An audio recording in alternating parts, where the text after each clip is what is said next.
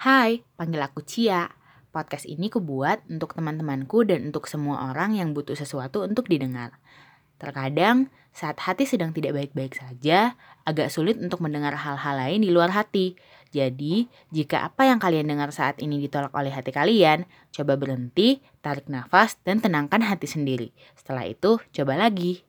Semoga selalu sehat, selalu pada jalan yang benar, dan semoga podcast ini bermanfaat. Selamat mendengar.